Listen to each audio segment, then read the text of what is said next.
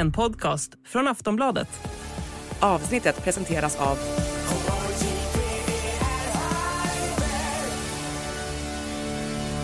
Stödlinjen.se, åldersgräns 18 år.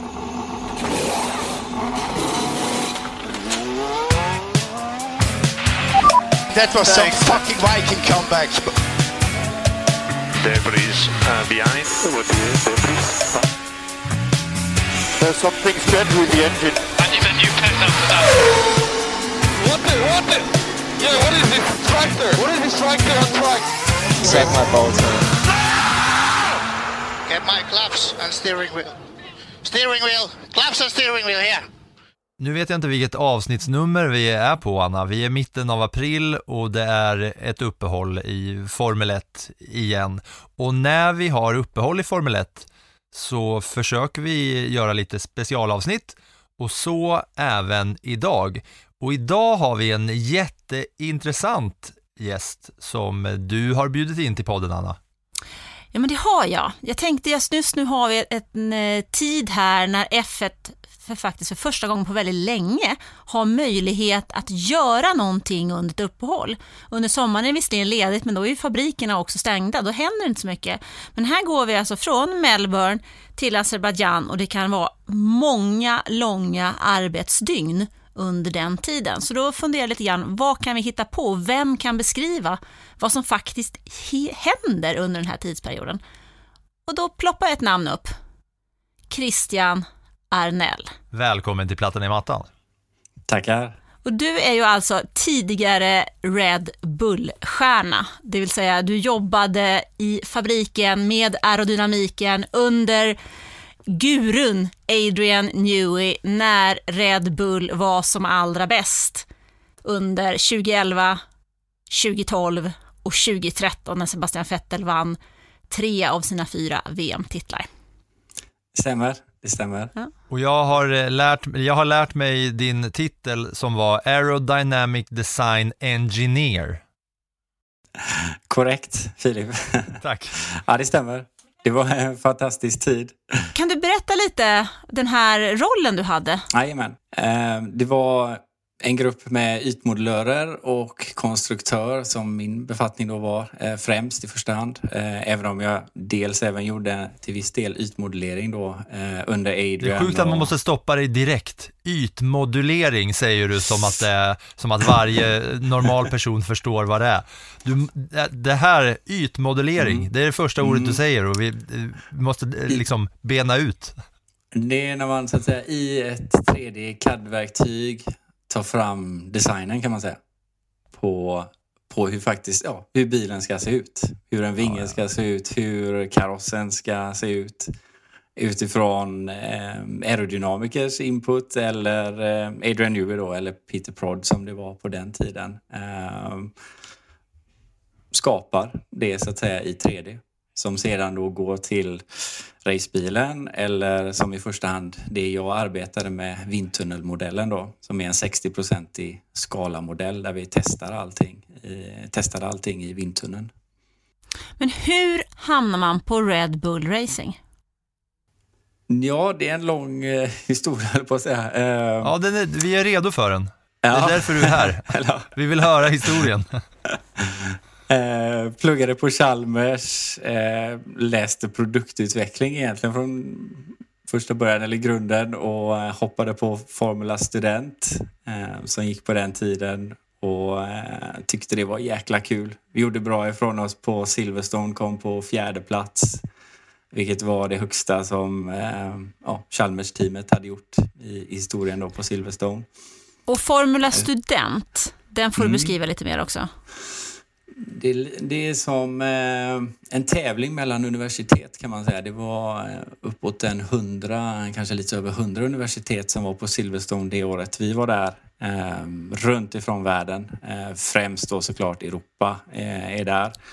Alla De har alltså byggt, byggt F1, eller bilar liksom.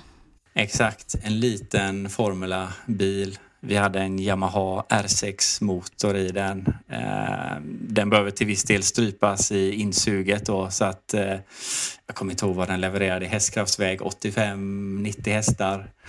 Eh, men den väger ju 200 kilo någonting i, där, eh, i krokarna. Så den gör 0 till 100 på 4 sekunder. Alltså otroligt, jag sitter här och tappar hakan. Jag, jag tänkte att vi skulle liksom att det, vi skulle landa lite i hur det var att jobba liksom under de där eh, superåren i Red Bull. Men redan här känner jag att jag skulle vilja ha ett helt avsnitt om Ja, Chalmers och Formula Student. Jo, Då var det- ni elever som pluggade på Chalmers. Jajamän, precis. Och så är detta som en form av kurs kan man säga eh, under ett års tid. Eh, så man börjar på hösten och så avslutas det då med en form av eh, race och diverse tester och presentationer, designpresentationer av de valen man har gjort och en form av eh, business case presenteras också.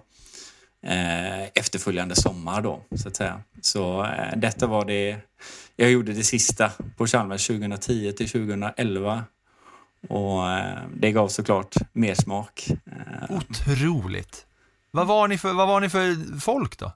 Alltså är ni, har du varit motorintresserad i, i början? Har du kört massa grejer själv? Och... Inte mer än att jag följt det på tv, följt Formel 1, följt Michael Schumacher, Kenny Bräck, Rickard Rudell i BTCC eh, med mera. Men inte mer att man har kört go-kart lite då och då. Eh, men det här då väckte ju verkligen ens eh, alltså designkonstruktörsintresset till eh, ja, till att vilja gå vidare, till att vilja fortsätta inom racing kan man säga. Så det var Men vad, ni, alla 1. ni, bygg, ni byggde bilar, universiteten byggde bilar och så var det någon som körde bilen och så raceade ni.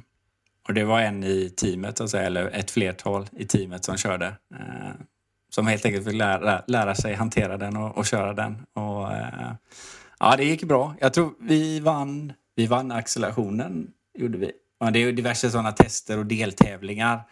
Eh, och där var vi snabbast. Och då är det liksom ingen som har i, i och med att ni pluggar, det är inte så att det är före detta Formel 1-arbetare som är med i den här liksom studenttävlingen, utan ni Nej. är då vanliga, inom citationstecken. Ja, extremt precis. begåvade och smarta eh, studenter som gör det här.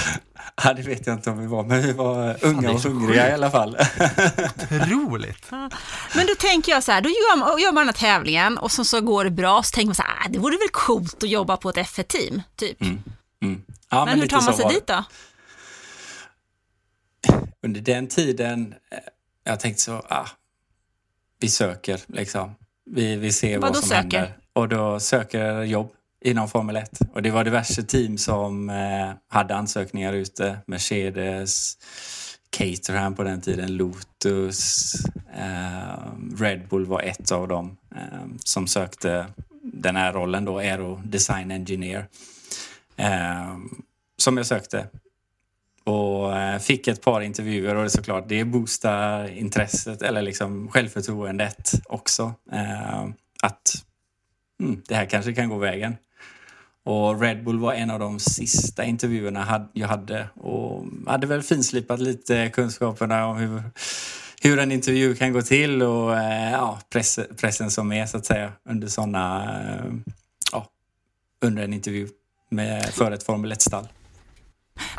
Ja, vi, vi sitter här, både du och jag, det känns som att vi är jäkligt hungriga på att ställa frågor Anna. Jag, alltså Aerodynamic Design Engineer, hade du koll, ah, hade du koll, fan, jag framstår så dum som jag verkar. Det är klart du hade koll, men ha, vad hade du för erfarenhet av just det här och vad, vad var det som du var så bra på? Och vad är det här? Jag skulle säga att jag hade inte riktigt koll på vad jag gav mig in på. För så, eh, ja, man söker, man, jag visste att det hade att göra med eh, konstruktion för vindtunnelmodellen i första hand. Eh, ytmodellering som vi pratade om lite i början. Eh, mer än så, ja, man har bara ett hum om hur det kan vara. Liksom. Det, finns, det var några chalmerister som hade hoppat över till Formel 1 som jobbade lite där. Så jag hade lite kontakt med dem innan och hade ett litet då, hum som sagt. Men i slutändan så vet man aldrig. Det är en sån, det är en ny värld om man säger. Jag tänker, Red Bull är ju känt för att vara ett team som kör sin väg. Ända sedan de liksom dök upp i F1 och man, man pratar om de här äh, läskedrycksförsäljarna äh, i stort sett så har ju de gjort saker och ting på sitt sätt. Hur, ähm, när de, det känns ju som att när de söker någonting så söker de på något annat sätt än vad de mer traditionella teamen gör.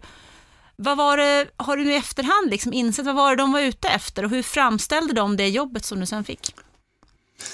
Ja, det var en skillnad såklart att vara där på intervju jämfört med några andra stall eh, där jag kanske blev mer grillad tekniskt sett. Eh, det blev jag såklart på, på Red Bull också eh, och det var många, vad ska man säga, sådana här kluriga frågor, kontrollfrågor. Uh, lös... Kan du bara säga en, en, en klurig fråga? en av frågorna var, eller det var, handlade om att lösa uppgifter, för hur man skulle konstruera en vindtunnelmodell. Väldigt kluriga frågor liksom. Och så fick jag sitta i receptionen och lösa det samtidigt som folk gick på lunch. Eh, så folk kom ner för trappan, det var bröter runt omkring mig, massa saker som hände. Eh, och där satt och jag och försökte lösa dataprogram uppgift. eller liksom papper och Nej, penna och gjorde formler? Papper och penna och försökte eh, sätta samman det här och konstruera, eller inte konstruera, men hur jag skulle lösa vissa uppgifter, om man säger.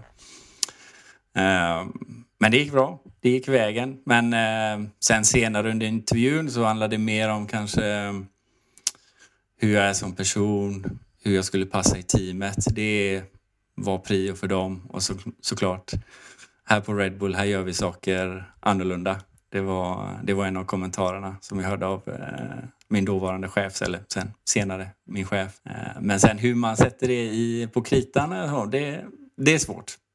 Men kan, man, kan du beskriva på något sätt så här, hur en dag hur en dag såg ut? Eller vad ditt, för du sa att ditt jobb är att konstruera de här modellerna som framförallt då används i vindtunneln. Men vägen... Alltså, vänta, vänta, vänta, jag vill bara konstruera modellen som används i vindtunneln. Ja. Då konstruerade du alltså modellen, det vill säga en bil.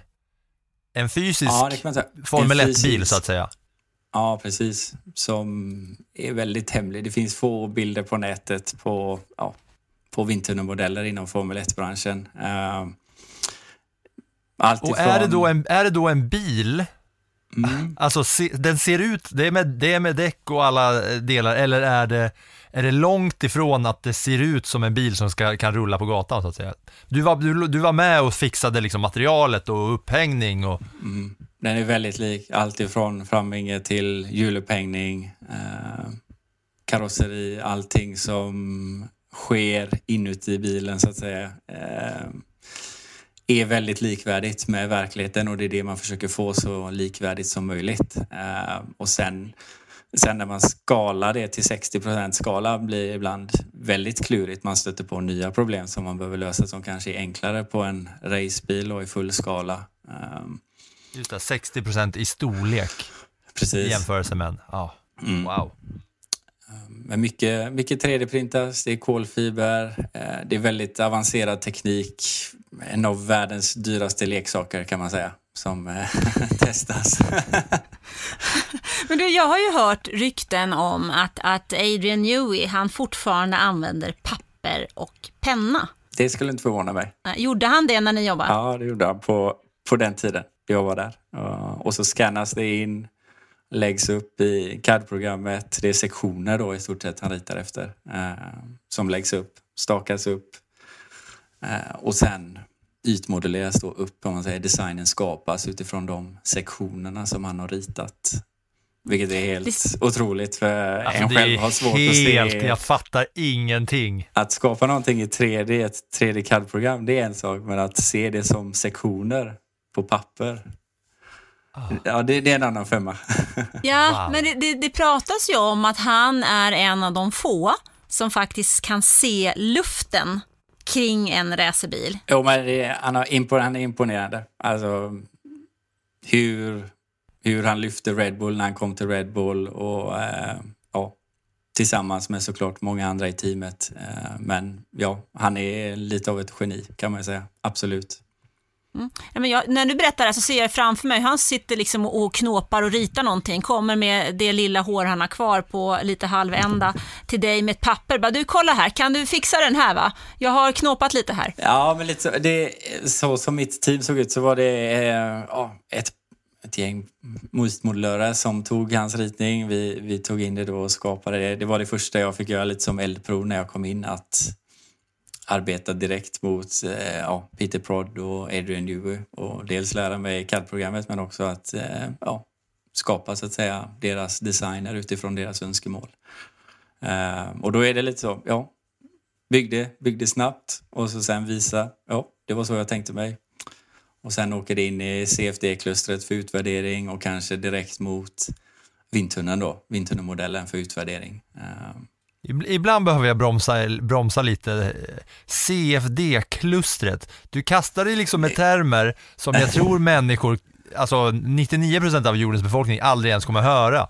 Och även om man är Formel 1-intresserad så är CFD-kluster något som, eh, som ändå...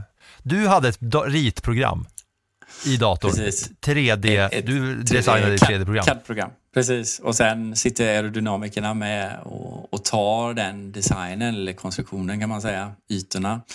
Eh, de förbereds för en simulering kan man säga. En datorsimulering för att se, för att ge en första indikation på hur eh, designen uppför sig då eh, under vissa förhållanden som man vill testa i en form av reell värld eh, under vissa hastigheter, inbromsning etc.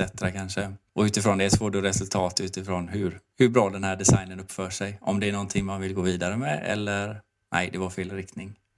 Vi behöver göra nya Hur- tester. Hur mycket av det här, de här idéerna då, som kommer på papperna och som ni gjorde, hamnade i slutändan på bilen? I slutändan väldigt lite.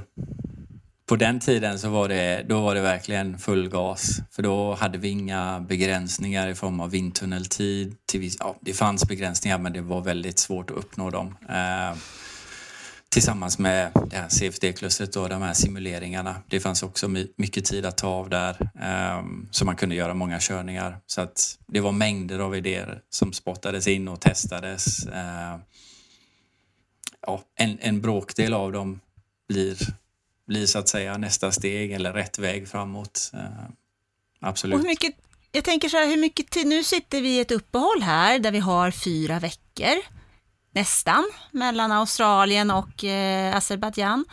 Hur, hur mycket kan man ändra på den här tiden om du tänker på hur fabrikerna jobbar? Vad är möjligt?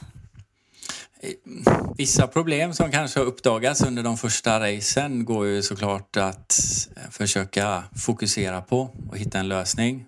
Um, om det inte redan har påbörjats innan för idag är ju allting är så uppkopplat så att de, redan efter första racet så vet man vad som funkar och vad som inte funkar, vad som kanske är något som man som förväntar sig uppföra sig på ett annat sätt inte gör det eh, på bilen. Och man kan hoppa på det direkt och försöka finna en lösning. Eh, och då är det verkligen all hands on deck. Eh, dels från alla involverade aerodynamiker till eh, ja, mig då som konstruktör som jobbade mot vindtunnelmodellen. Eh, men sen har ju allting en ledtid så att eh, även om du hittar lösningen så kanske det dröjer ett, en viss tid innan du kan sätta den på bilen, eh, så att säga.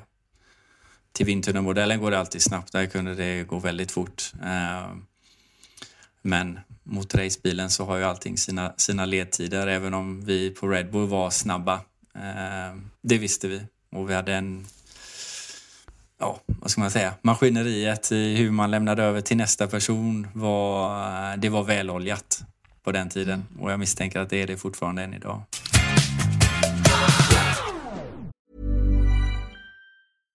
Hey, I'm Ryan Reynolds. At Mint Mobile, we like to do the opposite of what Big Wireless does. They charge you a lot, we charge you a little. So naturally, when they announced they'd be raising their prices due to inflation, we decided to deflate our prices due to not hating you.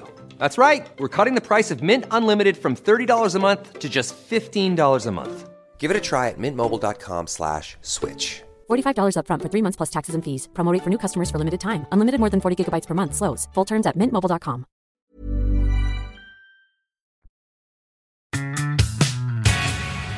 Men då det här ma- maskineriet som, eh, som du nämner. Du som då Aerodynamic Design Engineer, du bodde då på en plats i närheten av den här vindtunneln. England, Milton Keynes. Där har ni vindtunneln.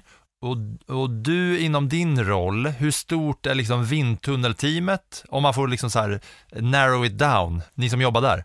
Vindtunneln låg i Bedford, så ungefär en halvtimme österut eh, ifrån Milton Keynes. Eh, en gamla, gammal kalla kriget vindtunnel som är eh, helt vansinnig om man ser till... Du kan inte bygga en sån för pengar idag i stort sett. Eh, men vindtunnelteamet som sådant var ganska litet för du behöver inte så mycket personal där som behöver testa, som kan utföra testerna. Utan eh, det viktigaste handlar om att ja, dels du vill kunna göra ett byte på vinternumodellen snabbt för att sen komma igång med nästa testrunda. Men sen sköter datorn det mesta där, samlar all information. Eh, det är pausen då, eh, en liten stund och sen ut igen för de här model Makers då som eh, dels hjälpte till med att ja, ta fram artiklarna, ta fram förfina eller man ska säga lackera, måla de 3D-printade artiklarna som, vi, eh, som jag konstruerade. Och sen så är de även med vid, vid testerna då så att säga eh, och byter ut parter etc. Var du med inne på testerna också, inne i den här vindtunneln och kände liksom vinddraget så att säga? Eller hur, hur, hur, hur går det till där? Bilen står fast, den står inte på något rullband eller sånt, det är bara vind som kommer och så är det sensorer som känner av. Ja, den står på ett rullband och där inne blåser det snabbt så att där kan du inte vara i testsessionen när det, när det blåser fullt drag. det kan jag säga. Men eh, jag var med ibland på vissa tester när det var viktigt eh, eller när det var en stor ändring som skedde och det behövdes kanske stöd från en konstruktör eller så att vara där. Ehm, så då var jag på plats och, och, hjälpte till och stöttade. Men generellt sett, i och med att det var en halvtimme bort, så var det inte så, det var inte så lätt att, att bara gå ner för trappan och, och liksom vara med på ett test. Utan eh, det blev mer en lite större grej då att åka dit så att säga. Även om vi kunde jobba därifrån också. Ehm. Det är en fundering som jag tänker på när du pratar här nu om vikten av vindtunneln. Eh, ser vi till förra säsongen, så under hösten så fick vi besked om att eh, Red Bull hade överskridit det nya budgettaket. Eh, och det var väldigt mycket prat om bestraffning fram och tillbaks. Eh, och det slutade ju med att de fick en begränsning i sin eh, vindtunneltestning och CFD, eh, vilket var ytterligare, i och med att de vann konstruktörsmästerskapet så fick de ju redan lite mindre tid och med den här bestraffningen så vart det ännu mindre. Och när vi då funderar ju jag lite grann över, du som har en betydligt bättre insyn än vad vi andra har, är den där bestraffningen, är det en hård bestraffning? Eller är det en mellanmjölksbestraffning eller kan det på något sätt påverka säsongen? Ja, det är klart att den kan påverka. Jag tror den är, straffningen var överkomlig. Men eh, absolut, med tanke på att hur begränsat det är idag med vindtunneltid och, och, och CFD-körningar så kommer den kännas såklart. Eh, jag tror idag så måste man arbeta på ett mycket annat sätt än vad vi gjorde på, på den tiden 2011 till 2016 när det var full gas som sagt med vindtunneln gick nästan konstant ibland kändes det som. Uh, nu behöver man lägga mer vikt på vad, vad som behöver testas, vad man vill testa, vad som är, är viktigt och verkligen planera misstänker jag inför varje test och CFD-körning så att säga. Och hur var det då innan 3D-printern? Alltså jag tänker om det var på ett sätt när ni jobbade när det var fullt blås och det är ett sätt nu. 3D-printen måste ju ha förändrat allt. Ja, men det, det är ett fantastiskt verktyg. Det, det gick ju att få fram någonting över natten så att säga som kanske behövde testas eller eh, även till banan om man säger så hade vi ju 3D-printers och eh, vet vid något tillfälle så var det race i Europa och Eh, första träningen är gjord. Eh, det kommer in lite resultat och man ser att framvingen kanske behöver en liten justering eller så. Och då har vi de här flapsen på den tiden. De två stycken var det i stort sett på den övre. Och man jobbade ofta mycket med hur den skulle skäras eller hur den skulle, så att säga, formen på den skulle vara. Eh, och då satt jag, tror jag, vid min arbetsplats och det kom en aerodynamiker, eh, ehm, teamleadern tror jag, för framvingar och var lite eh, nervös, sprang runt, behövde en konstruktör snabbt som attan. Ja, Christian, ta han. Eh, kan du göra några trimjiggar så att vi kan eh, kapa av lite på de här flapsen liksom? Och det behöver skickas till banan för, ja, för en halvtimme sen typ. Ja, okej, okay, tack. Eh, stress, få klart dem, skicka till banan och eh, ringa dem på eh, Rapid Prototyping då, som det heter. Eh, som sköter själva 3D-printingen. Eh, få klart dem och eh, de kunde printas inför Practice 2 då så att säga. Man kunde göra kapa av lite så ut efter en ny form eller vad man ska säga och testa det då och få in nya resultat för det inför lördagen och, och så inför kvalet. Så att det var väldigt snabba, snabba ryck och, och 3D-printingen som sådan är, var, ett, det var ett av våra främsta oh, wow. verktyg vi hade. Otroligt. Men då kan en sån ändring vara att de vill ändra något på framvingen säger vi och då ska du göra matematiska beräkningar, jag, jag, jag, ber om ursäkt för min okunskap här, men jag skäms inte supermycket för att det är, ett, det är långt ifrån normal, normala ämnen här. Då gör du matematiska beräkningar på hur den ska justeras då, typ, alltså väldigt enkelt för dig talat, hur vinkeln kan vara eller hur lång en del kan vara eller hur bred en del kan vara och då kan, kan du räkna ut hur det påverkar resten av bilen. Ja, det, det, den biten skötte aerodynamikerna. Uh, jag skötte själva konstruktionsbiten då, så i det här fallet så hade aerodynamikern tagit fram sig två kurvor på hur han ville testa att kapa av först ett första steg, sen ett andra steg. Uh, och då tog jag fram verktyg för hur mekanikerna på plats kunde utföra detta snabbt och, och få det till exakt den formen som aerodynamikern ville ha i det här fallet. Um, och då med hjälp av 3D-printade um, trimjiggar kan man säga. Om man kallar det så. Rä räknar man, är det, mat är det matematik? vad är, vad är liksom jo, ämnet? Eller programmering eller vad är det? Nej, men då, då är det CAD-konstruktion, men för aerodynamikerna så är det ju ja, verktyget de använder. Det är ju ett oerhört avancerat matematiskt verktyg för att beräkna men sen kan det ju också vara, i sån, när det är sådana snabba vändor, då, då behöver de ju också använda magkänsla om man säger. Vad kan vi göra här och var för att försöka få till en ändring eller få, försöka hitta en lösning. Det där känns ju som en lösning som är gjord alltså på ett par timmar bara.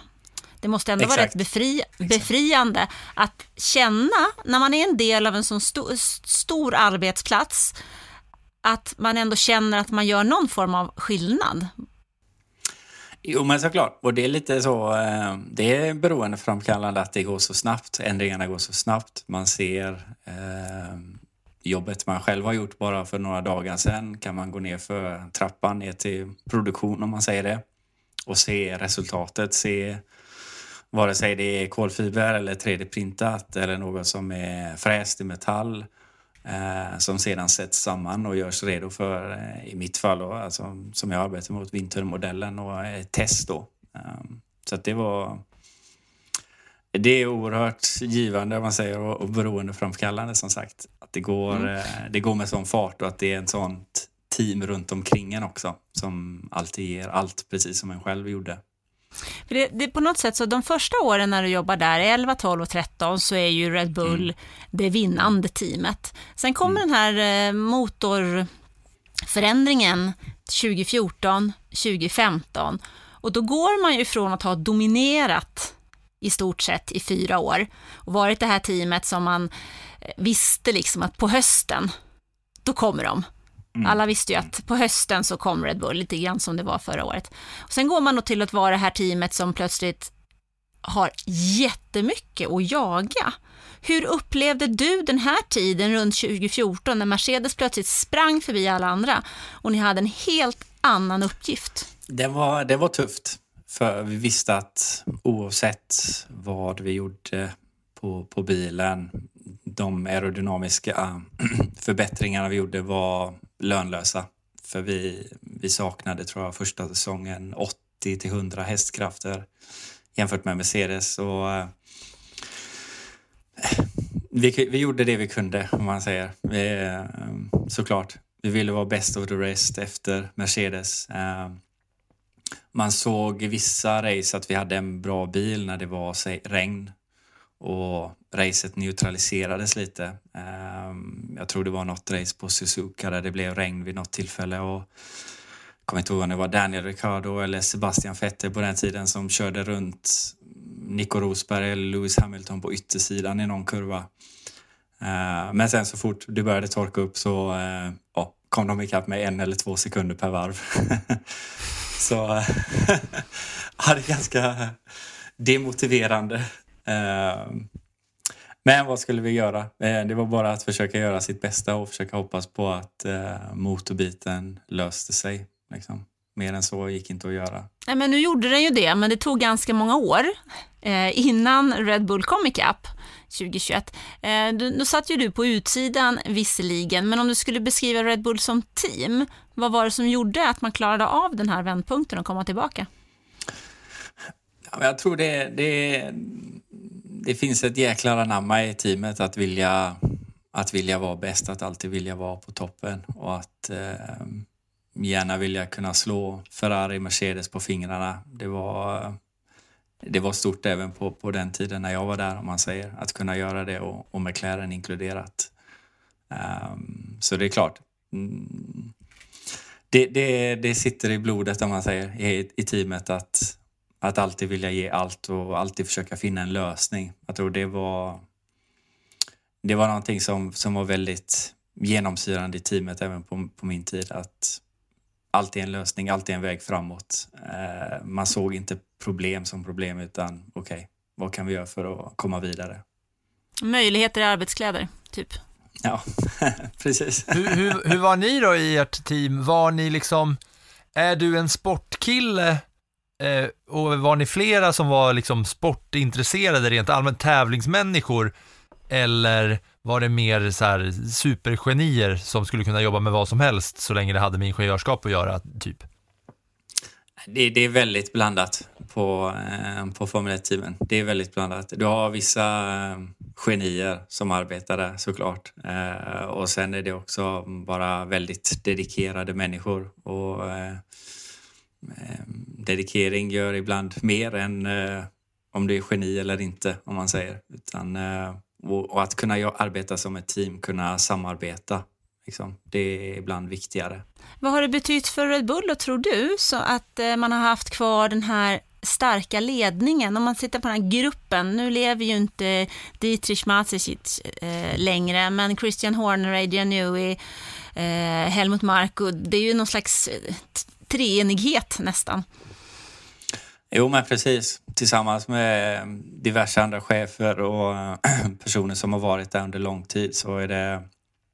Det har varit viktigt tror jag för teamet att det var stabilt och även eh, under de åren jag var där så var det väldigt stabilt så sett. Eh, det var få personer som, som lämnade teamet. Sen när jag lämnade så var det till viss del kanske lite folk som lämnade och kände att de ville prova något nytt eller gick till något annat stall. Så sätt. Och sånt händer såklart alltid naturligt inom Formel 1. Att folk hoppar emellan team eller helt byter bana, eh, lite som jag har gjort. Och, eh, ja, det hör till. Men eh, absolut, det, det har varit viktigt för teamet att ha stabiliteten, om man säger. Men hur eh, kan man konkretisera en racehelg för en sån eh, som du, när du jobbar på Red Bull? Hur det liksom, arbetar man då eller har man, gjort, har man gjort sitt jobb inför? Kollar ni på racen, vinner ni race, går ni ut och firar och liksom, gör ni stan i MK, alltså i Milton Keynes och sådär?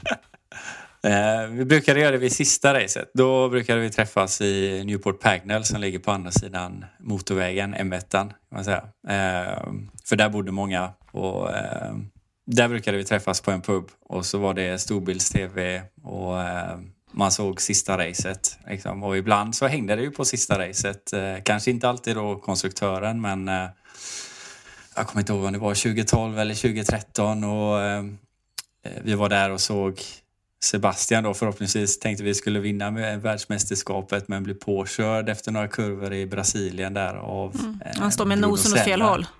Ja, precis. Stod åt fel håll. Sidepodden var helt öppen på ena sidan. Eh, men han kom vidare, och liksom, eller kom igång igen och eh, lyckades avsluta racet och vann eh, världsmästerskapet då. Eh, men det var, eh, ja, då var det fullt liv kan jag säga på den puben när han tog placering efter placering. Bartendern på den där puben visste om vilka ni var när ni var där i alla fall. Ja, ja, ja. ja men det, det, visste, det visste de redan innan när, eh, när bokningen kom in så att säga. Att eh, det är för Red Bull om man säger. Och vi hade ett separat eh, rum kan man säga med bar. Eh, så det var, det var Otroligt. fint. Men, men annars då, en vanlig racehelg eller mitt i säsong, är ni i arbete då? Eh, vanligtvis för min roll så nej. Men eh, såklart, det fanns en liten grupp som behövde vara på plats på, på fabriken på helger då att stötta raceteamet och så med analyser hemifrån om man säger. Eh, men för min del så var jobbet gjort, eller det gjordes måndag till fredag. Och eh, emellanåt kunde vi såklart jobba helg för att eh, för att bli klara med någonting. Men det var, det var sällan. Eh, vi jobbade ganska hårt måndag till fredag. men annars fick ni kolla på racen och sådär? Ja, men precis. Då var det mer, man följde racen hemifrån. Det blir lite som, man är del av ett team, men man är ändå, det är ändå ett, ett vanligt jobb på något sätt. Eh, hur konstigt det än kan låta. Men när man arbetar för teamet eh, hemifrån så är det, det är lite annorlunda än eh, det vi ser på tv, så att säga. Men är, när man gör det här jobbet som du gjorde då, är det någonting, känner man, eller så här, blir det samma sak? Eller har det en, eh, en utmaning i att det utvecklas under tiden eller blir det långtråkigt? Lite så kände jag efter eh, ja, fyra, fem år där när jag lämnade. Att nu är det lite samma, samma. Liksom. Det är ny säsong, det är ny... En ny bil ska tas fram, men det är lite samma, samma. Så, så kände jag. Och då kände jag att jag började tröttna på det hela. Eh, och visst, jag hade kunnat fortsätta inom Formel 1, men eh, jag kände att det var dags att prova något nytt. För det, eh, jag fick inte riktigt den... Ja, eller vad ska jag säga? Intresset dog lite, kan man säga. För Formel 1 och för just lite med hur reglementet var på den tiden också. Att det, eller vad det har blivit också idag, att det har, det har stängts ner kanske lite mer i form av det här, eh, vad ska man säga, utvecklingsmässigt, att det är mer restriktioner än möjligheter till eh, att hitta något nytt kanske. Något nytt koncept eller någon ny eh, idé. Men är det så du ser, ser på F1, att det är liksom som att det är just konstruktionerna och möjligheterna att utveckla någonting och innovationerna som är det som är spännande? Jo, men lite så att det var the pinnacle of motorsport ehm, som man pratade om på den tiden när jag, när jag gick med eller kom till Formel 1. Och, ehm, ja, det är ju fortfarande det, men eh, såklart, saker och ting förändras och ehm, är kanske mer, det är mer komplext också idag med hur, hur allting regleras och så. Men lite tråkigt är det såklart att det men man ser ändå att det, det, finns lite frihet i reglementet och man ser ändå lite olika spår som, som olika teamen tar, eh, vilket är kul. Eh, men eh, lite, lite begränsat. Följer du Formel 1 idag eller? Jo, men det gör varje race i stort sett. Så eh, min fruga träffar jag på Red Bull så att eh, det Det är 100% Red Bull här hemma kan man säga. Okej, vad, vad, vad jobbade hon med då? Hon var på marknadsföringssidan så hon var eh, lite mer på race och arbetade lite mer med förarna. Max bland annat när han var yngre och Pierre Gasly, Sebastian delvis, eh, Daniel Ricciardo på den tiden och Kvyat och så. så att, eh, Just det. Mm. Alltså, eh, det här är ju en rimlig fråga känner jag. Jobbar, man, jobbar du då med vindtunneln för bara Red Bull eller hur, hur, im, liksom, hur sammanflätade var Toro Rosso och eh, Red Bull då liksom? Eh, på den tiden så var vi två separerade stall i och med att det var så reglementet var skrivet, om man säger. Så att det, var, det fick inte ske någon utdelning. Ingen information fick gå mellan då eller? Nej, nej. På den tiden så köpte Toro Rosso växellådan av oss men det gjorde också Caterham, om man säger, till Renault-motorn. Ehm, mer än så så var det separerade vindtunneltestning och utveckling av bilen, ehm, så att säga. De hade ju dels i Bister, en liten ja, en halvtimme väster om Milton Keynes, hade de ett center, måste jag säga. Och även i ehm, Faenza, tror jag, i, i Italien. När du ser på, på F1 idag, tittar du på det som om det vore sport eller ser du någonting annat? Lite mer koppling har man väl, eller så här, lite mer känner man för, för sporten och jag blir fortfarande nervös inför eh, starten så att säga. Och eh, såklart eh, hjärtat pumpar för, för Red Bull. Jag är biased så eh, ja, det är, det är nog lite mer än att bara slå på Formel 1 så som det var förr, om man säger, innan jag eh, arbetade för Red Bull, innan jag var i Formel 1. Så eh, absolut, lite, lite mer känslor är det såklart.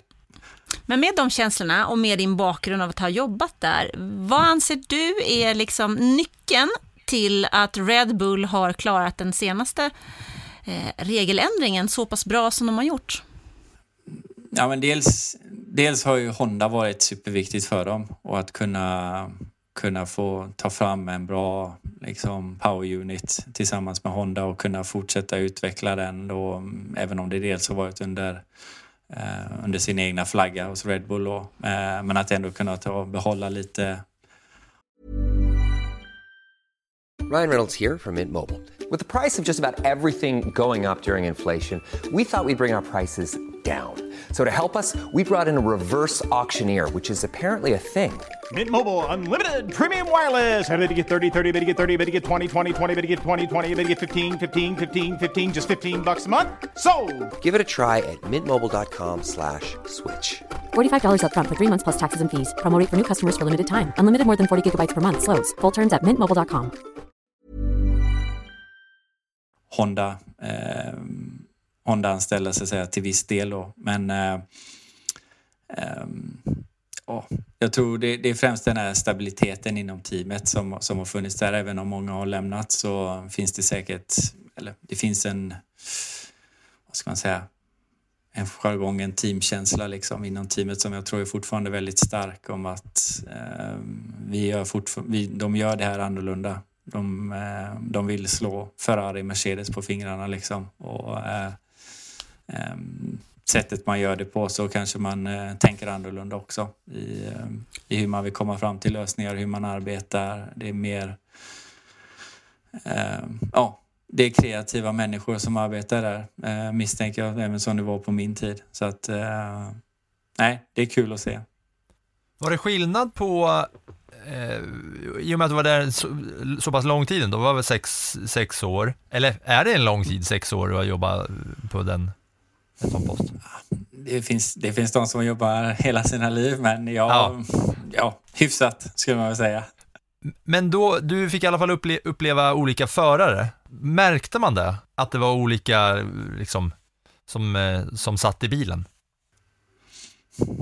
Vi, vi såg inte riktigt det på samma sätt kanske som raceteamen såg det, utan där, där är det annorlunda. Då, kanske, då var det olika karaktärer, olika ja, sätt som de samarbetar på med mekaniker och så vidare. Men jag skulle säga att alla, alla förarna som vi har haft, som vi hade på den tiden för Red Bull var eh, fantastiskt bra. Och, eh, förlåt. Man såg dem eh, såklart emellanåt på fabriken när de var i simulatorn och så. Eh, ja, de gick alltid runt och kingsade på folk och eh, eh ja, det var alltid god stämning så att säga.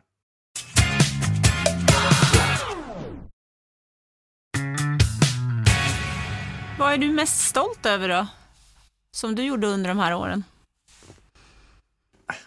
Ja, men det är såklart de två världsmästerskapen som jag var där och tog eh, tillsammans med teamet. Men eh, såklart, det, det, är mycket minnen som, som lever kvar från ja, som vi har sinsemellan. Eh, alla man arbetade med och, och så vidare. Allt man hittade på. Eh, konstruktionslösningar, idéer, allt vi testade och så vidare. Och, och så. Det, det är mycket som inte, som, som inte syns på tv och som, som inte kommer ut heller såklart. Som vi bara sitter på sinsemellan informationsmässigt. Så, eh, vart, vart, placerar du F1 Student Chalmers titlarna då bland alla världsmästerskap och Red, Red Bull-utmärkelser?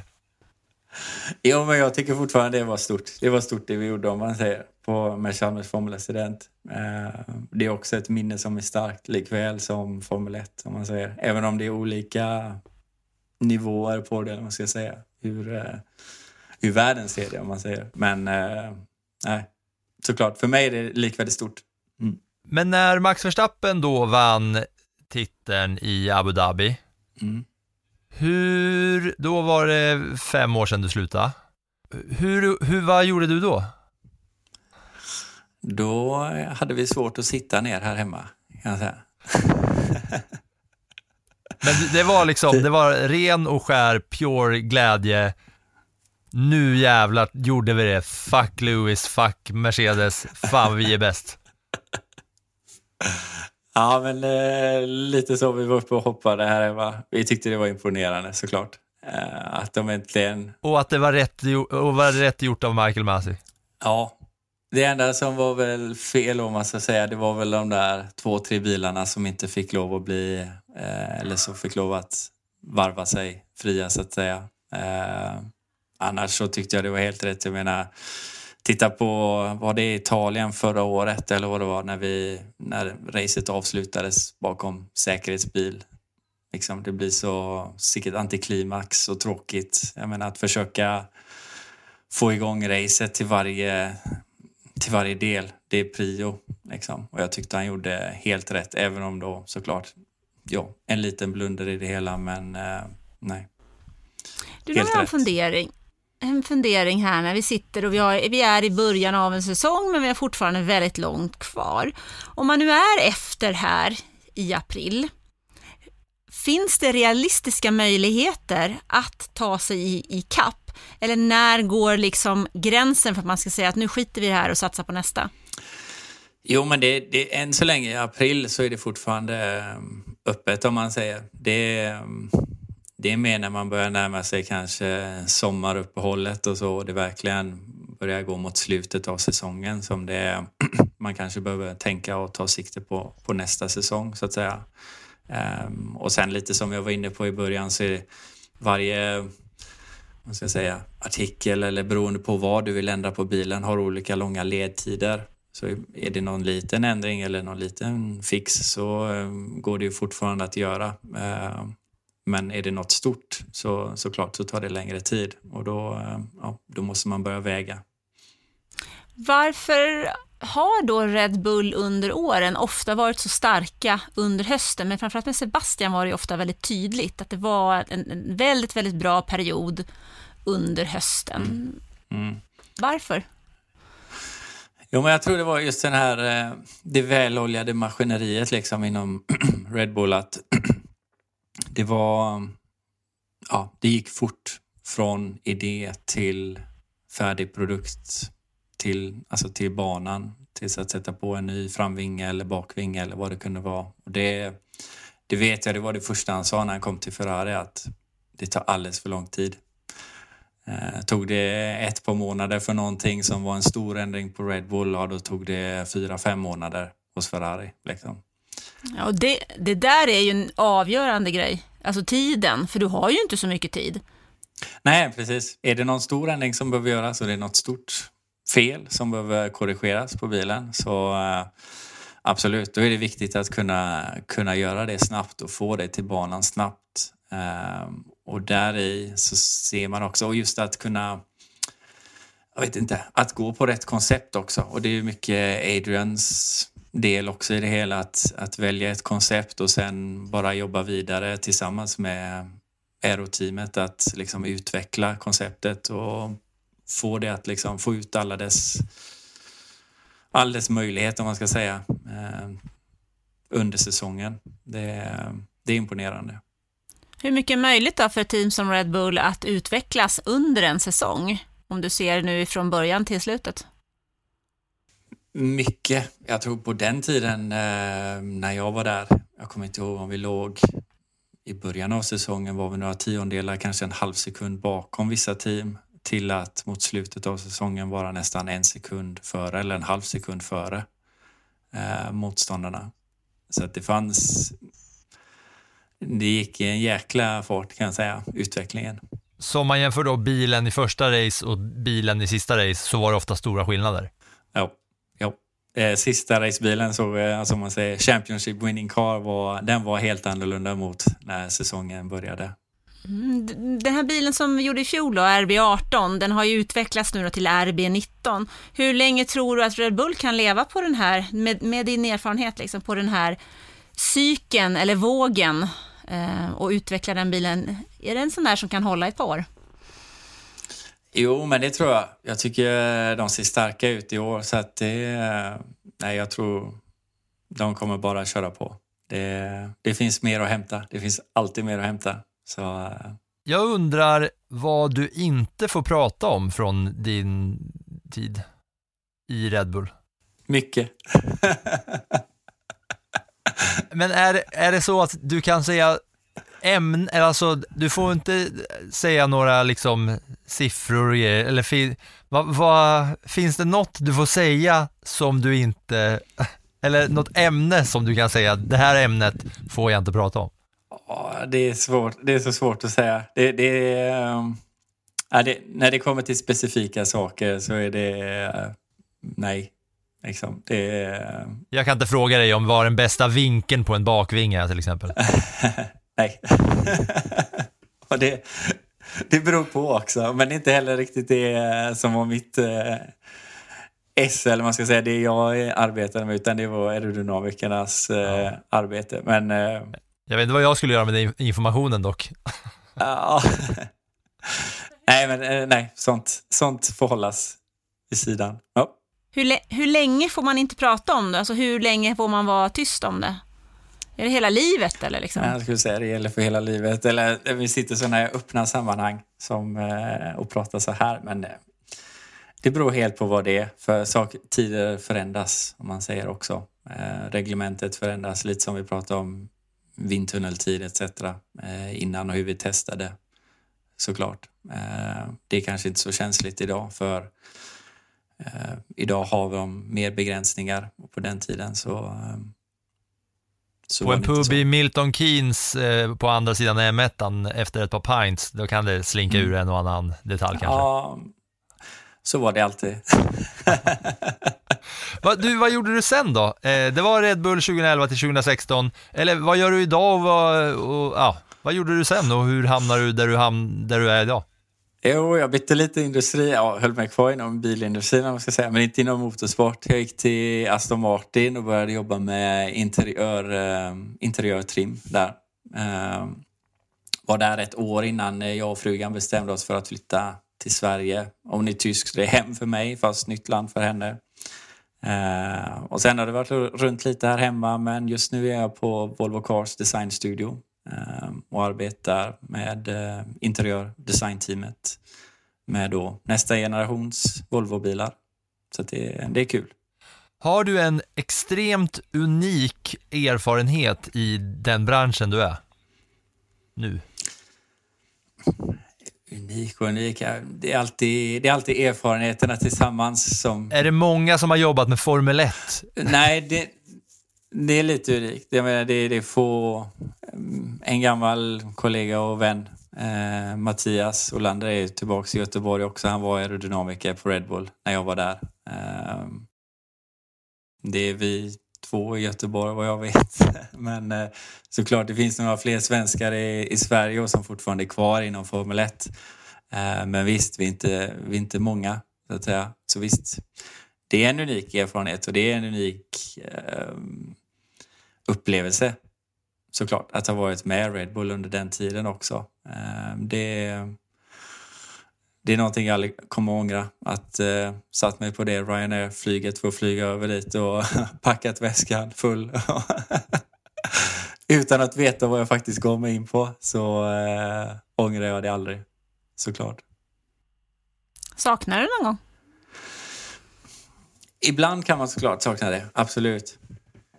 Eh, men samtidigt så kände jag, att, eller känner än idag, att jag är, ja, jag är ganska färdig med Formel 1, som man säger. Det, det har haft sin tid. Det var en tid då, eh, då det passade och det var toppen och jättekul. Men eh, eh ja, idag är jag färdig med det, känner jag. Ja. Eh, Christian Arnell, före detta Aerodynamic Design Engineer på Red Bull mellan åren 2011-2016 med två världsmästartitlar under bältet. Tack för att du var med i Plattan i mattan och bjöd på många roliga stories här och en jäkla massa info. Tack själv. Ja, ett stort tack. Nu, nu har jag ännu en bättre bild av en, en halvsvettig Adrian Newey på väg med en helt ny idé. Ja, precis. Och några hår till faller av. ja, men på vägen, alltså jag vet inte, jag har den framför mig. Det är lite charm med den där papper och penna ändå, är det inte det? Jo, men lite så är det. Det är imponerande. ja, jäkligt kul att ha dig med och extremt kul att få, eh, få höra vad, vad du har varit med om. Tusen tack! Stort tack Christian! Tack själv! That was some fucking Viking comeback. Debris uh, behind. There's something strange with the engine. And you've a new pet after that. What the, what the? Yeah, what is this tractor? What is this tractor on track? Set my bolts on. Get my claps and steering wheel. Steering wheel. Claps and steering wheel here.